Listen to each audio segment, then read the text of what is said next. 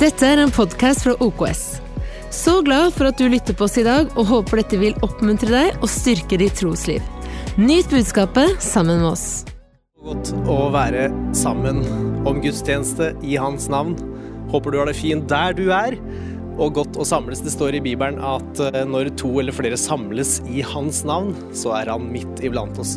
Det stoler vi på i dag òg. Håper du har det veldig fint der du er, om du er hjemme, eller i bilen, eller i hagen, eller i skogen, eller på øret mens du jogger, hvor nå enn du er. Så kan vi stole på at Herren er med oss, og med deg. Og jeg ber om at det her skal bli minutter som skal være til liv og oppmuntring for deg.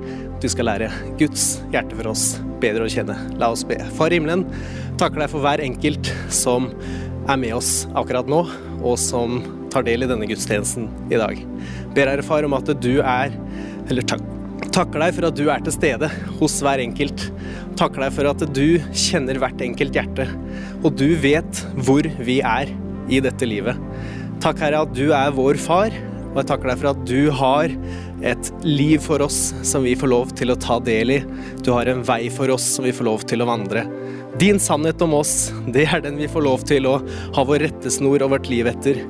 Og dette livet her, Herre, takker jeg for er din gave til oss. Ber om at de neste minuttene skal få lov til å være eh, til ord til oppmuntring, eh, til trøst og byggelse for hver enkelt av den som tar imot Jesu mektige navn. Amen. Veldig hyggelig. Du, jeg heter Leif Kåre. Jeg er medpastor i denne kirka, og sammen med min kone Pernille og våre barn, eh, som snart blir fire stykker, så er det fantastisk å tilhøre en kirke som har Jesus i sentrum, og som har et deilig fellesskap. Og vi savner ordentlig å fylle denne salen med alle eh, som tilhører kirka, og du som kanskje gjester. Og du, du, jeg vet ikke om du ser på for første gang, hvis du gjør det, så er du også hjertelig velkommen til denne online-opplevelsen av hva kirke er. Eh, og vi håper at dette skal bli også noen nyttige minutter for deg. Så håper jeg du finner kaffen, eh, satt deg godt til rette, eller at du har begynt å jogge. Eh, så skal vi åpne Guds ord sammen. Og tittelen på prekena tror jeg står allerede. Det står 'Du og din bror'. Du og din bror, og det tar utgangspunkt i noen av de absolutt første kapitlene i Bibelen. Vi skal til første Mosebok og kapittel tre og fire. Og så skal vi se litt på noen spørsmål som Gud stiller oss. Saken er den at i Bibelen, før vi rekker å stille Gud spørsmål, noe du kanskje kjenner deg igjen i Spørsmål dukker opp fordi at livet skjer, og så er det kanskje spørsmål Jeg vet ikke hvilke spørsmål du har mot Eh, til Gud. Og det som er interessant å se i Bibelen, i teksten, det er at før vi rekker å stille Gud vårt første spørsmål til Han, så har Han stilt oss syv spørsmål. Det forteller meg at Gud er ikke redd for spørsmål, og det tror jeg også forteller oss at vi ikke trenger å være redd for spørsmål. For spørsmål er ikke alltid heller eh, fordi at vi, Hovedsaken med det er ikke bare at vi trenger å få informasjon, de forteller oss også veldig, veldig mye om oss og hvor vi er, ut ifra hvilke spørsmål vi stiller oss. Og det, det, kan man kanskje tenke på i, i, vår reise, i vår trosreise og i vårt liv, at spørsmålene forandrer seg gjennom livet. Og det er interessant å følge med på. Og også tenke tilbake. Hvilke spørsmål stilte jeg da, som jeg nå lever og har svaret på? Det er en helt egen preken. Vi skal zoome inn på det første spørsmålet Gud stiller av disse syv, og det siste. Det første spørsmålet står i kapittel 3 og vers 9, og det er etter at Adam og Eva har eh, ordentlig kløna det til og spist av det ene eplet eller frukten som Gud eh, sa ikke gjør det. Bruk din frie vilje til å la være, sa Gud.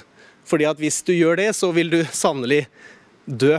Bli en flyktning og omstreifer på denne planeten. Da vil det skape distanse mellom han som gir oss identitet, er på en måte budskapet. Men de bruker sin frie vilje og spiser av den frukten etter at det første spørsmålet som blir stilt, som er et spørsmål som sår tvil. Som da denne slangen, som vi forstår er djevelen, som sier 'har Gud virkelig sagt'? Sår tvil om det Gud har sagt. Og plutselig er det et spørsmål som sår tvil. Så ser vi senere, etter alt dette her, at Gud vandrer i hagen. Og eh, Adam og Eva har gjemt seg, eh, tatt på seg fikenblader og dekket seg. Og så hører de at Gud går i hagen. Og så står det i vers 9 at da kalte Herren Gud på Adam og spurte han, hvor er du? Det siste spørsmålet han, han, ramser opp, det er mange konfronterende, kartleggende spørsmål Gud ramser opp, men vi skal se på det siste, som også står i, står i kapittel 4 og vers 9. Og der står det Det er jo da et spørsmål som ikke blir stilt til Adam og Eva, men dems sønn. Kain, som nettopp har myrdet sin egen bror. Så spør Herren Kain, hvor er din bror Abel? Og det er to spørsmål vi skal ta for oss i dag. Hvor er du, og hvor er din bror? Hvem er du, er på en måte spørsmålet også. Hvilken tilstand finner du deg i? Hvor er du? Jeg spurte i stad, eller jeg kan jo bare forestille meg hvor du er. Sofaen, verandaen, i skogen eller i bilen. Men hvor er ditt hjerte? Hvor er du? Når vi ikke vet svaret på hvor vi er, så er det en veldig ubehagelig situasjon å være i. Umenneskelig. Det er et sted hvor vi ikke trives, og man er mer en sånn ikke-sted når man ikke vet hvor man er, når det er udefinert. Kanskje du er her og, eller ser på dette og tenker at jeg, jeg vet ikke svaret på det, hvor du er. Kanskje livet har skjedd, og ting har skjedd mot deg, med deg, eller at du har opplevd ting som har gjort at du har havna et sted i deg som du ikke helt har kart over. Som du ikke har helt kartlagt der du er nå. Eller kanskje du heller vet hvor du er, hvor ditt hjerte bor, og ikke liker det. Kanskje du kjenner på at den du er, kanskje du er usikker på om er det bra nok for noen, er det bra nok for Gud? Og kanskje da der du er, og der ditt hjerte bor, er blitt distansert fra der du opererer. At din virkelighet konstrueres mer, og at du må leve og opprettholde en slags fasade. Jeg tror det er tilfellet for alle mennesker i større eller mindre grad. Så her er vi ikke ute etter å liksom fange noen eller noe, for jeg er skyldig i det selv. Vi har våre blind spots, og vi har våre utfordringer, og vi har våre greier, og vi har vår bagasje som vi går igjennom i dette livet og bærer med oss. Men spørsmålet er hvor er du? Jeg tror jo Gud ikke stiller det spørsmålet for å, å, å, fordi han trenger å finne oss. Mer at han sier at han søker oss. Mer at vi trenger å stille oss spørsmålet hvor er vi? Når han stiller spørsmålet 'hvor er du', så er det jo fordi at de har distansert seg fra der de skal være. Der hvor de er skapt til å være. Og det er et godt spørsmål å stille seg selv. Hvor er jeg, og hvor er det mitt hjerte bor? Og hvor er du akkurat nå? Min enkle tanke for i dag det er egentlig bare å presentere deg evangeliet, og det er at Gud møter oss der vi er. Det er ikke at vi møter Gud der han er, for den stigen er for kort. Vi rekker ikke opp. Han kom ned til oss mens vi enda var syndere, står det i Bibelen. Han møter oss der vi er. Så hvor er vi?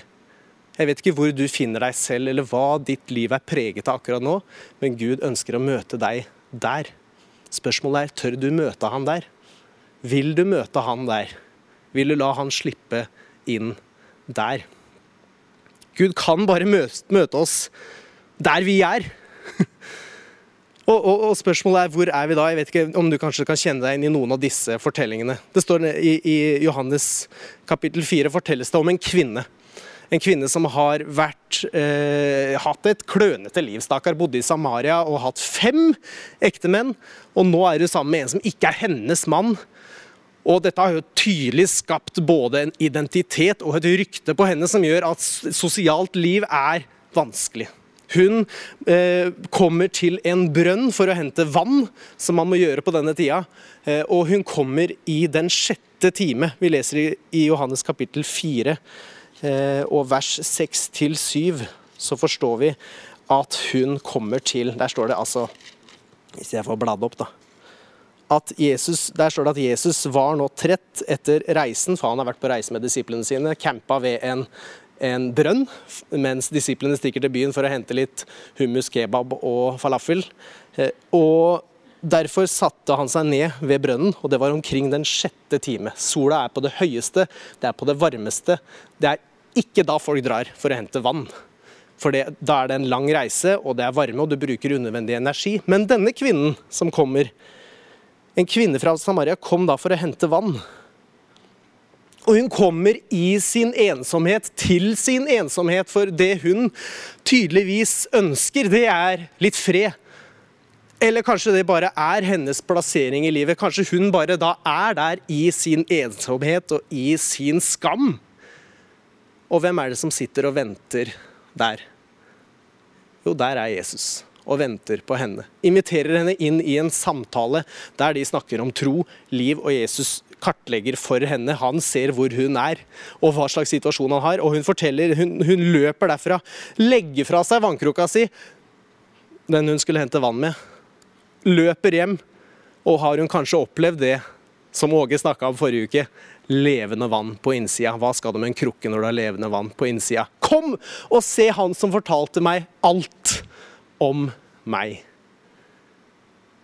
Jeg vet ikke om du kan føle deg ensom eller alene, eller stå ensom og alene i enkelte ting. Er det noe kanskje det siste året sånn utprega og generelt har lært oss, så er det at vi, vi Eh, at ensomhet er, er ikke bra. Og, og, og, det å ikke stå sammen, det, det, er vanskelig. Men det betyr ikke at Gud har sånn Altså kirkehistorien, det Gud bygger på denne jorda, det har ikke hullrom eller pauser eller vakuum. Han har en plan, og det har han bygd det siste året også. Men kanskje du er der at du kjenner at du ja, kjenner deg igjen i ensomhet. Det å være alene. Der er Jesus. Der vil han møte deg. For det er der du er. Han møter oss der vi er. I vår skam, i vår fordømmelse, i vårt mørke, i vår ensomhet. Der kommer han. Kanskje du er et annet sted. Kanskje du er der at du eh, går igjennom sorg.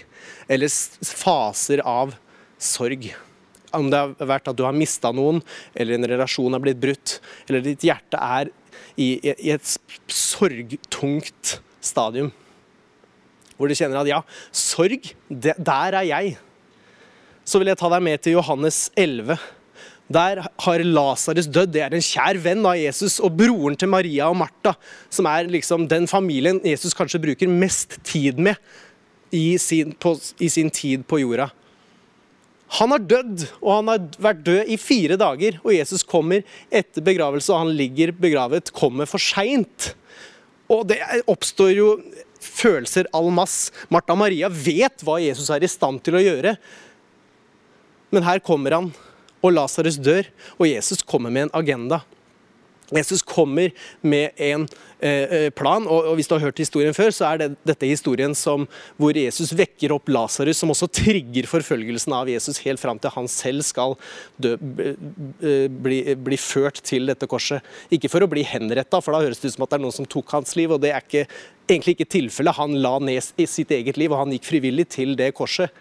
Men dette orkestrerte og satte i gang virkelig eh, opptrappingen av at Jesus til slutt ble ført til korset. Her skjedde det. Men før det skjer, at Lasarus blir vekt opp fra de døde, så er Martha og Maria og Jesus et sted. Hvor er de?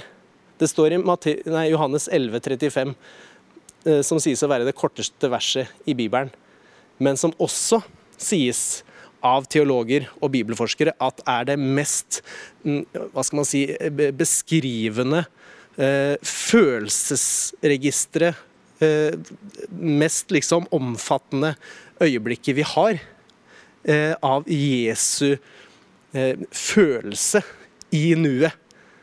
For der står det 'Jesus gråt'. Jesus gråt. Hvorfor gråt Jesus når han visste at, at, at han skulle vekke opp Lasarus. Jeg, jeg, jeg, ville jo tro at i hvert fall sånn jeg, liksom, Når jeg kjenner historien og vet hva som kommer, så er jo min forventning at Jesus egentlig skulle stå der og si Hei, hei dere, ikke gråt! Dette går bra. Han er på en måte Ja, han, han er helt død, men, men, snart er han ikke det. Den, den sorgen dere har nå, den er egentlig falsk. Nei.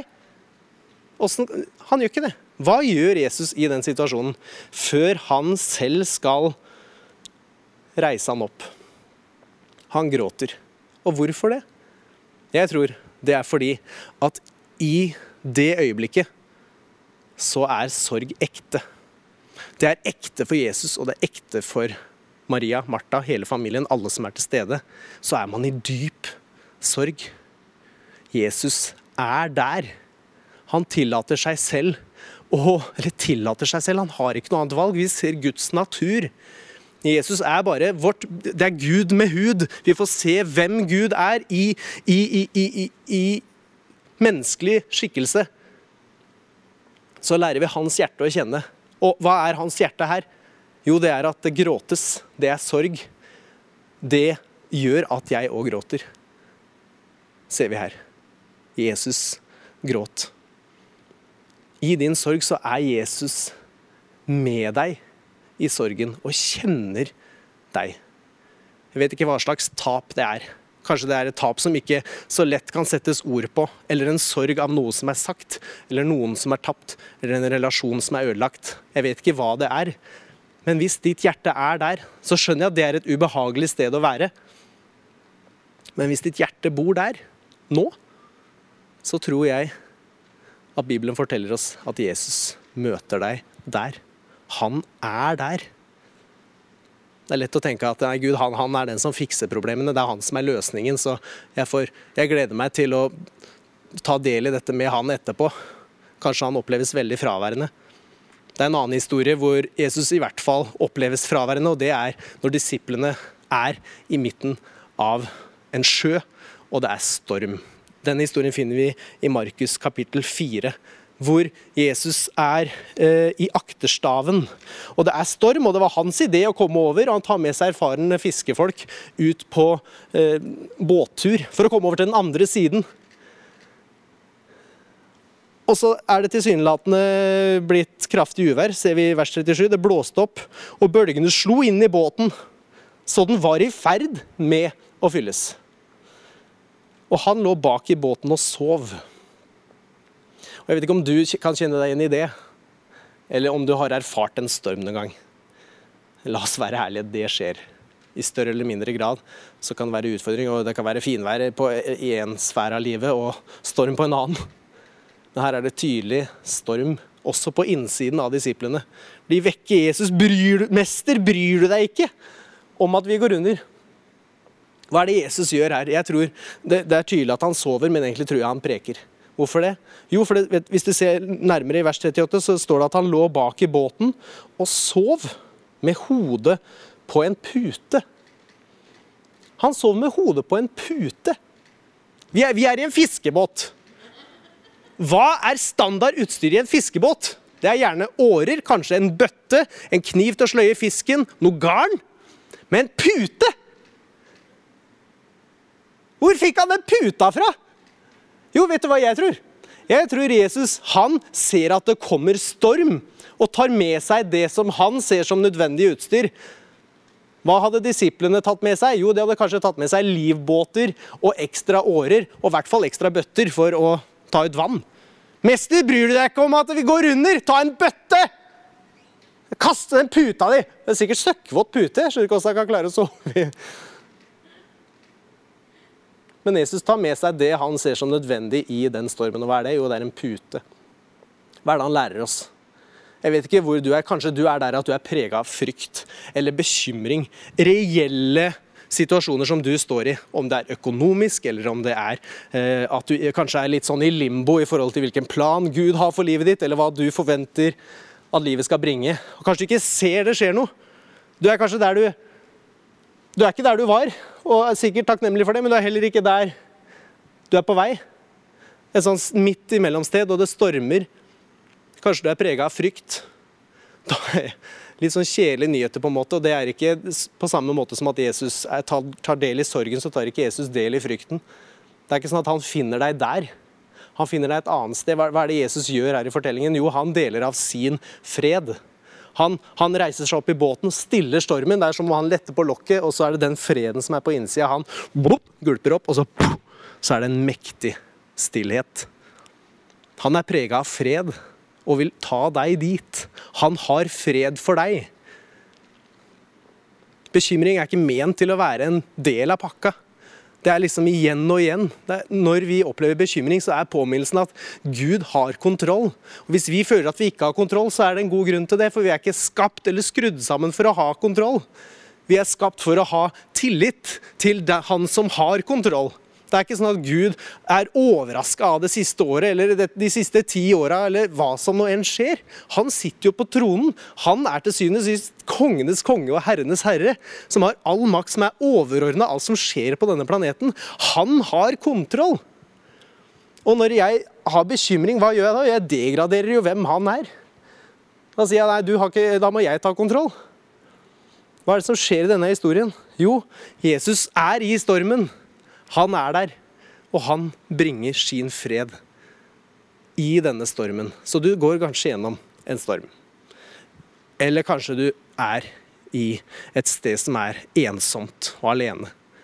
Eh, eller at du eh, er i dyp sorg. Eller det kan være andre ting. Hvor er det ditt hjerte bor? Jesus ønsker å møte deg der du er. Tør vi det? Når vi var, vi var ungdomspastorer her i kirka, og for en glede det var. Og Vi pleide ofte å dra på turer og leirer, og sånne ting, og da pleide jeg gjerne å innlede med følgende.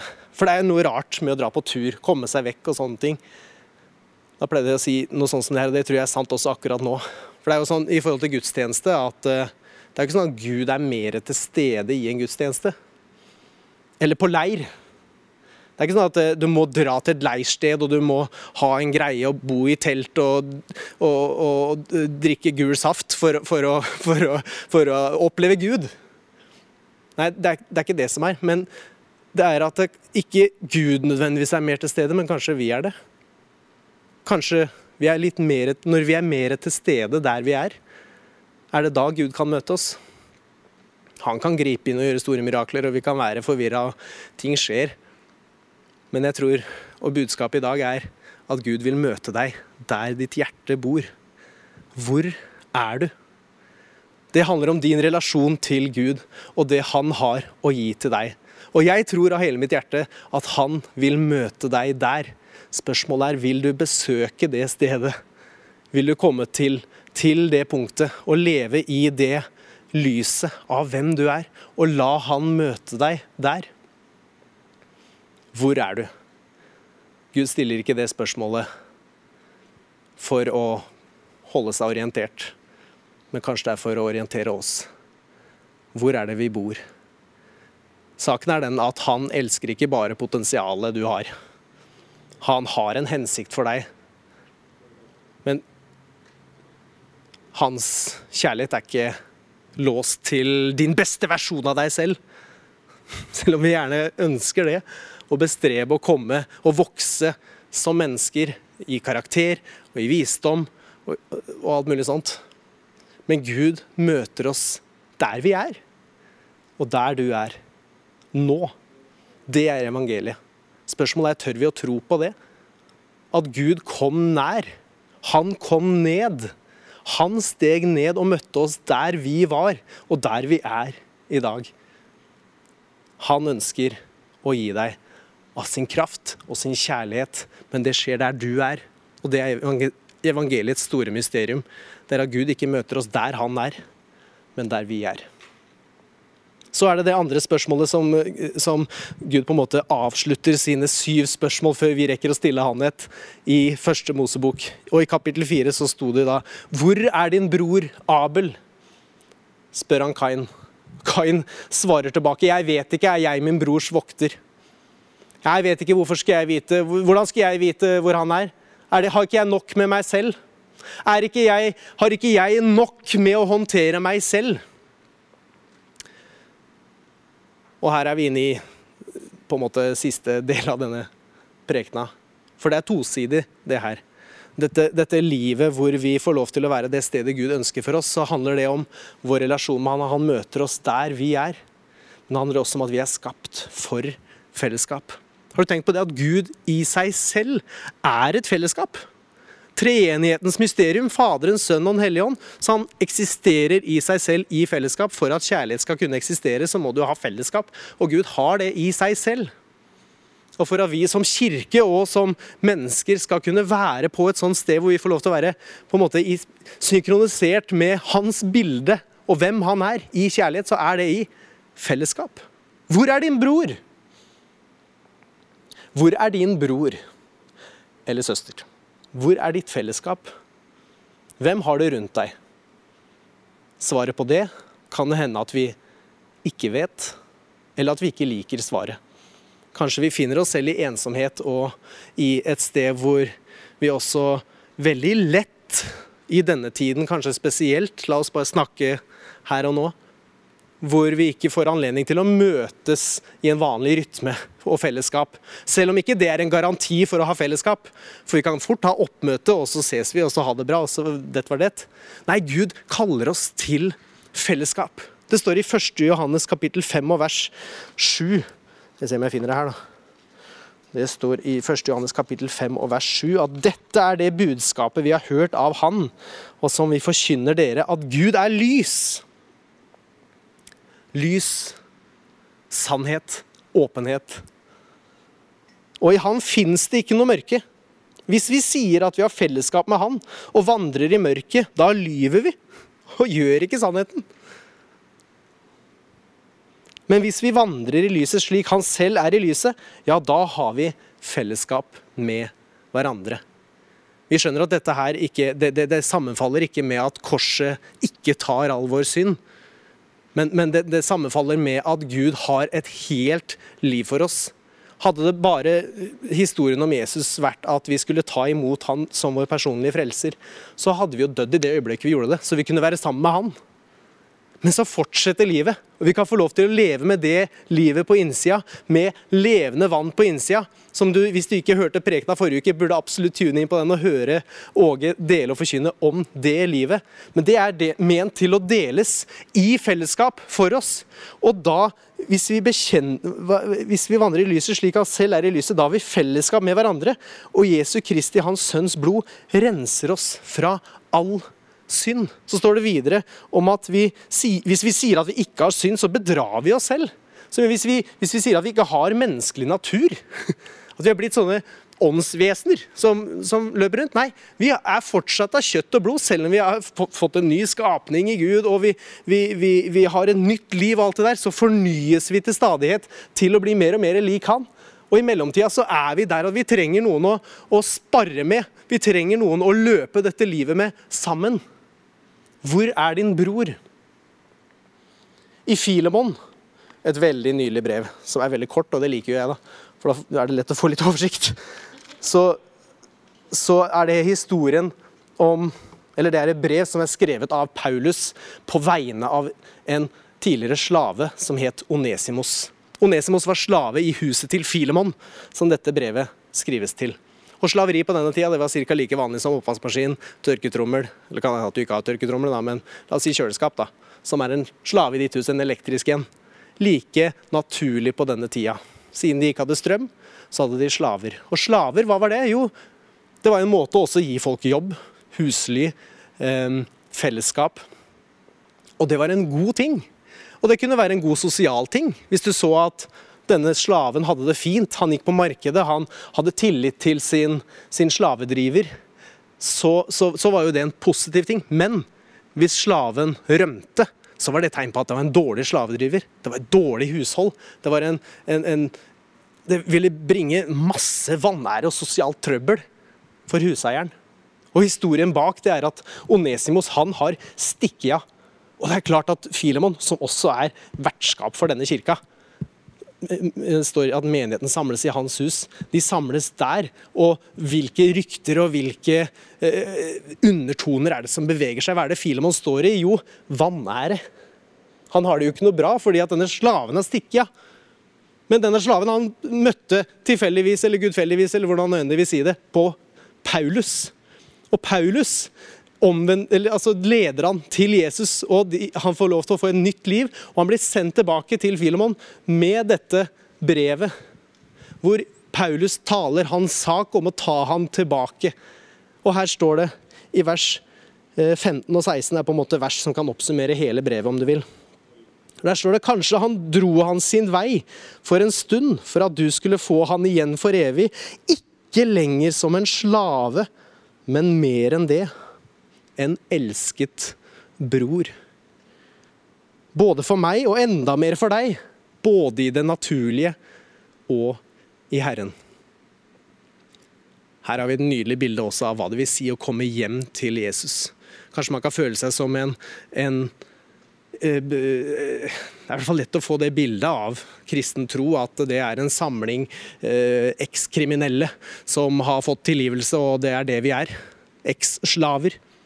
Nei, det er, det er, ikke det. Det er et nytt liv hvor vi har fått lov til å få eh, Vi, vi blir poda inn i en familie der vi ikke lenger er slaver, men en elsket bror. Og her står Filemon med det valget av han som har fått gitt han så mye vanære og så mye bitterhet som kanskje Filemon står i pga. denne mannen, og alt mulig sosialt trøbbel som fører med, så gir Paulus han en personlig oppfordring av å tilgi han og ta han inn. Og ikke bare ta han inn tilbake igjen, ikke bare ta han tilbake igjen, men å ønske han velkommen igjen som hans egen bror. Hva er det her? Jo, det er en oppmuntring til fellesskap. Det virker som om Gud har to store agendaer i den store fortellingen. Og det er å forsone mennesker med seg selv, og så forsone mennesker med hverandre.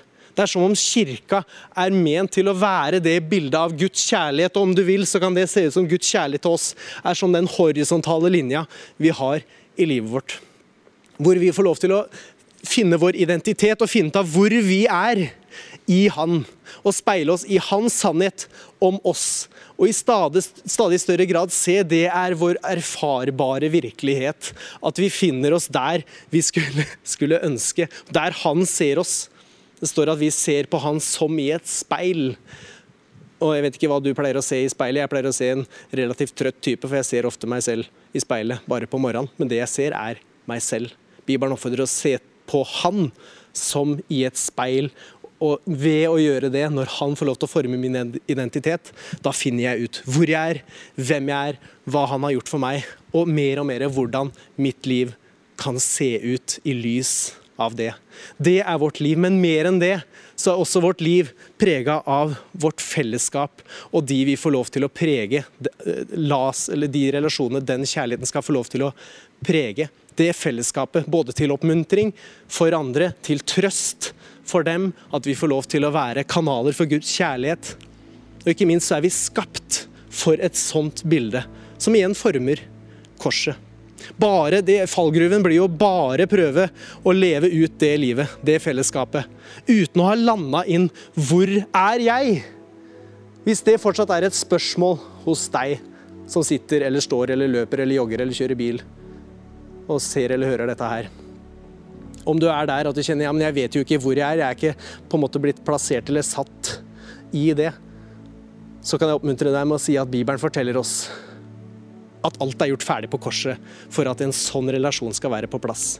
Du er skapt i hans bilde til relasjon med han først og fremst. Det står at for så høyt har Gud elsket verden at han ga sin sønn. Det var ikke at han hata synd så mye. Det var ikke hans motivasjon, nei, det var hele veien hans kjærlighet til deg. Hvor er du? Jo, la meg fortelle deg, du er i søkelyset av hans kjærlighet. Hvor er du? Jo, du er hans øyensten. Hvor er du? Jo, du er midt i hans plan for deg. Hvor er du? Jo, du er i hans omsorg og i hans hånd. Din, din, fortelling og din historie og dine omstendigheter prøver kanskje å fortelle deg noe annet. Men han sier til deg, som den øverste myndighet, hvem du er. Vet ikke om du ser på Kompani Lauritzen, men jeg må nesten bruke det som en illustrasjon. Jeg så gårsdagens episode. Der ble de sendt inn i Bobs hus, hvor de blei fortalt at bare hør på befalet. Bare hør på befalet. Dvs. Si de som er offiserer og kapteiner og sånne ting, og de som hadde uniform. De løper inn, og det første som møter de, er en mann i sivil som sier 'følg de grønne pilene'! Følg de grønne pilene! Og han hadde på seg sivil, så de skulle egentlig høre på han. Men de løper inn stressa som de var, og går inn og følger de grønne pilene. Og hva er det som møter dem der? Jo, det er en svær bob. Det er en mann med masse klær å holde på. Mens befalet rett før han går inn den døra, sier 'ta snarveien'. La meg fortelle at, eller oppmuntre deg til å høre på befalet. Det er ikke en snarvei, det er veien. Gud forteller deg du er elska. Du er i hans hånd. Ikke hør på de sivilt, om du vil. De stemmer, de omstendigheter. Nei, hvor er du? Jo, du er i hans hånd. Og om det er i sorg, om det er i smerte, om det er i frykt, han møter deg der. Og hvis du i dag har lyst til å ta imot det og si ja takk til en sånn type relasjon, der du får lov til å tilhøre, midt i stormer, midt i styrke, nei, midt i sorg, unnskyld, midt i svakhet eller ensomhet, så kan du si ja takk til han. Jeg vil lede deg i en bønn. Da kan du få lov til å gjenta etter meg, enten inni deg eller høylytt. Vi anbefaler høylytt, så du hører deg selv si det. Og det er den eneste invitasjonen du kan gjøre. Eller eneste, invitasjonen er utlyst. Du kan ta imot akkurat der du er. Som det eneste stedet det går an å ta imot. For han finner deg der. Da kan du si, 'Jesus, tusen takk at du døde for meg. At du elsker meg der jeg er. Fra i dag vil jeg leve det livet sammen med deg. Takk at du er i min sorg. Takk at du er i min frykt. Takk at du gir meg fred. Takk at du er sammen med meg. I Jesu navn. Amen. Så vil jeg også oppmuntre deg som kanskje lurer på hvor er din bror? Kanskje du tenker ja, hva er fellesskapet mitt? Det er et spørsmål, et stort spørsmål. Hvem er din bror? Har du et fellesskap? Du er skapt for det. Vi ønsker å være en kirke for deg. Om du er ny på trosreisen eller eh, har vandra med Gud lenge, men kanskje det har vært et, et sololøp. Vet du hva? Korset, det skal være din historie. Det, er, det skal være min historie. Det er det livet Gud har kalt oss til. At vi kan være trygge på spørsmålet hvor vi er, og hvem er vår bror. La meg be for deg. Far i himmelen, takker deg for hver enkelt som har sett på her i formiddag. Takker deg for hver enkelt som tilhører deg, som er hver enkelt. Takk for de som har fått lov til å gi sitt hjerte til deg i dag. Takk at du møter oss der vi er og er sammen med oss, og at du styrker den som er i sorg, og du løfter opp den som er ensom. Takk at du gir oss fred, den som er bekymra, og jeg takker deg for at din kjærlighet driver all frykt ut. Takk, Herre Far, at vi får lov til å tilhøre deg, og lær oss din vei i å tilhøre hverandre. Takk at du har kalt oss til et liv der vi får lov til å ligne på deg, gjenspeile hvem du er, og vise vei i mørket i Jesu navn. Takk at vi får lov til å vandre i lyset, i ditt lys, slik du er lys. Det priser vi deg for i Jesu navn. Amen. Takk for at du tok deg tid til å lytte på en av våre podcaster fra OKS. Vår visjon er å bringe Jesus til mennesker i vår verden, og mennesker i vår verden til Jesus. Følg oss ellers på vår YouTube-kanal og sosiale medier. Du er velkommen til å besøke en av våre kirker. For mer informasjon, sjekk ut oks.no.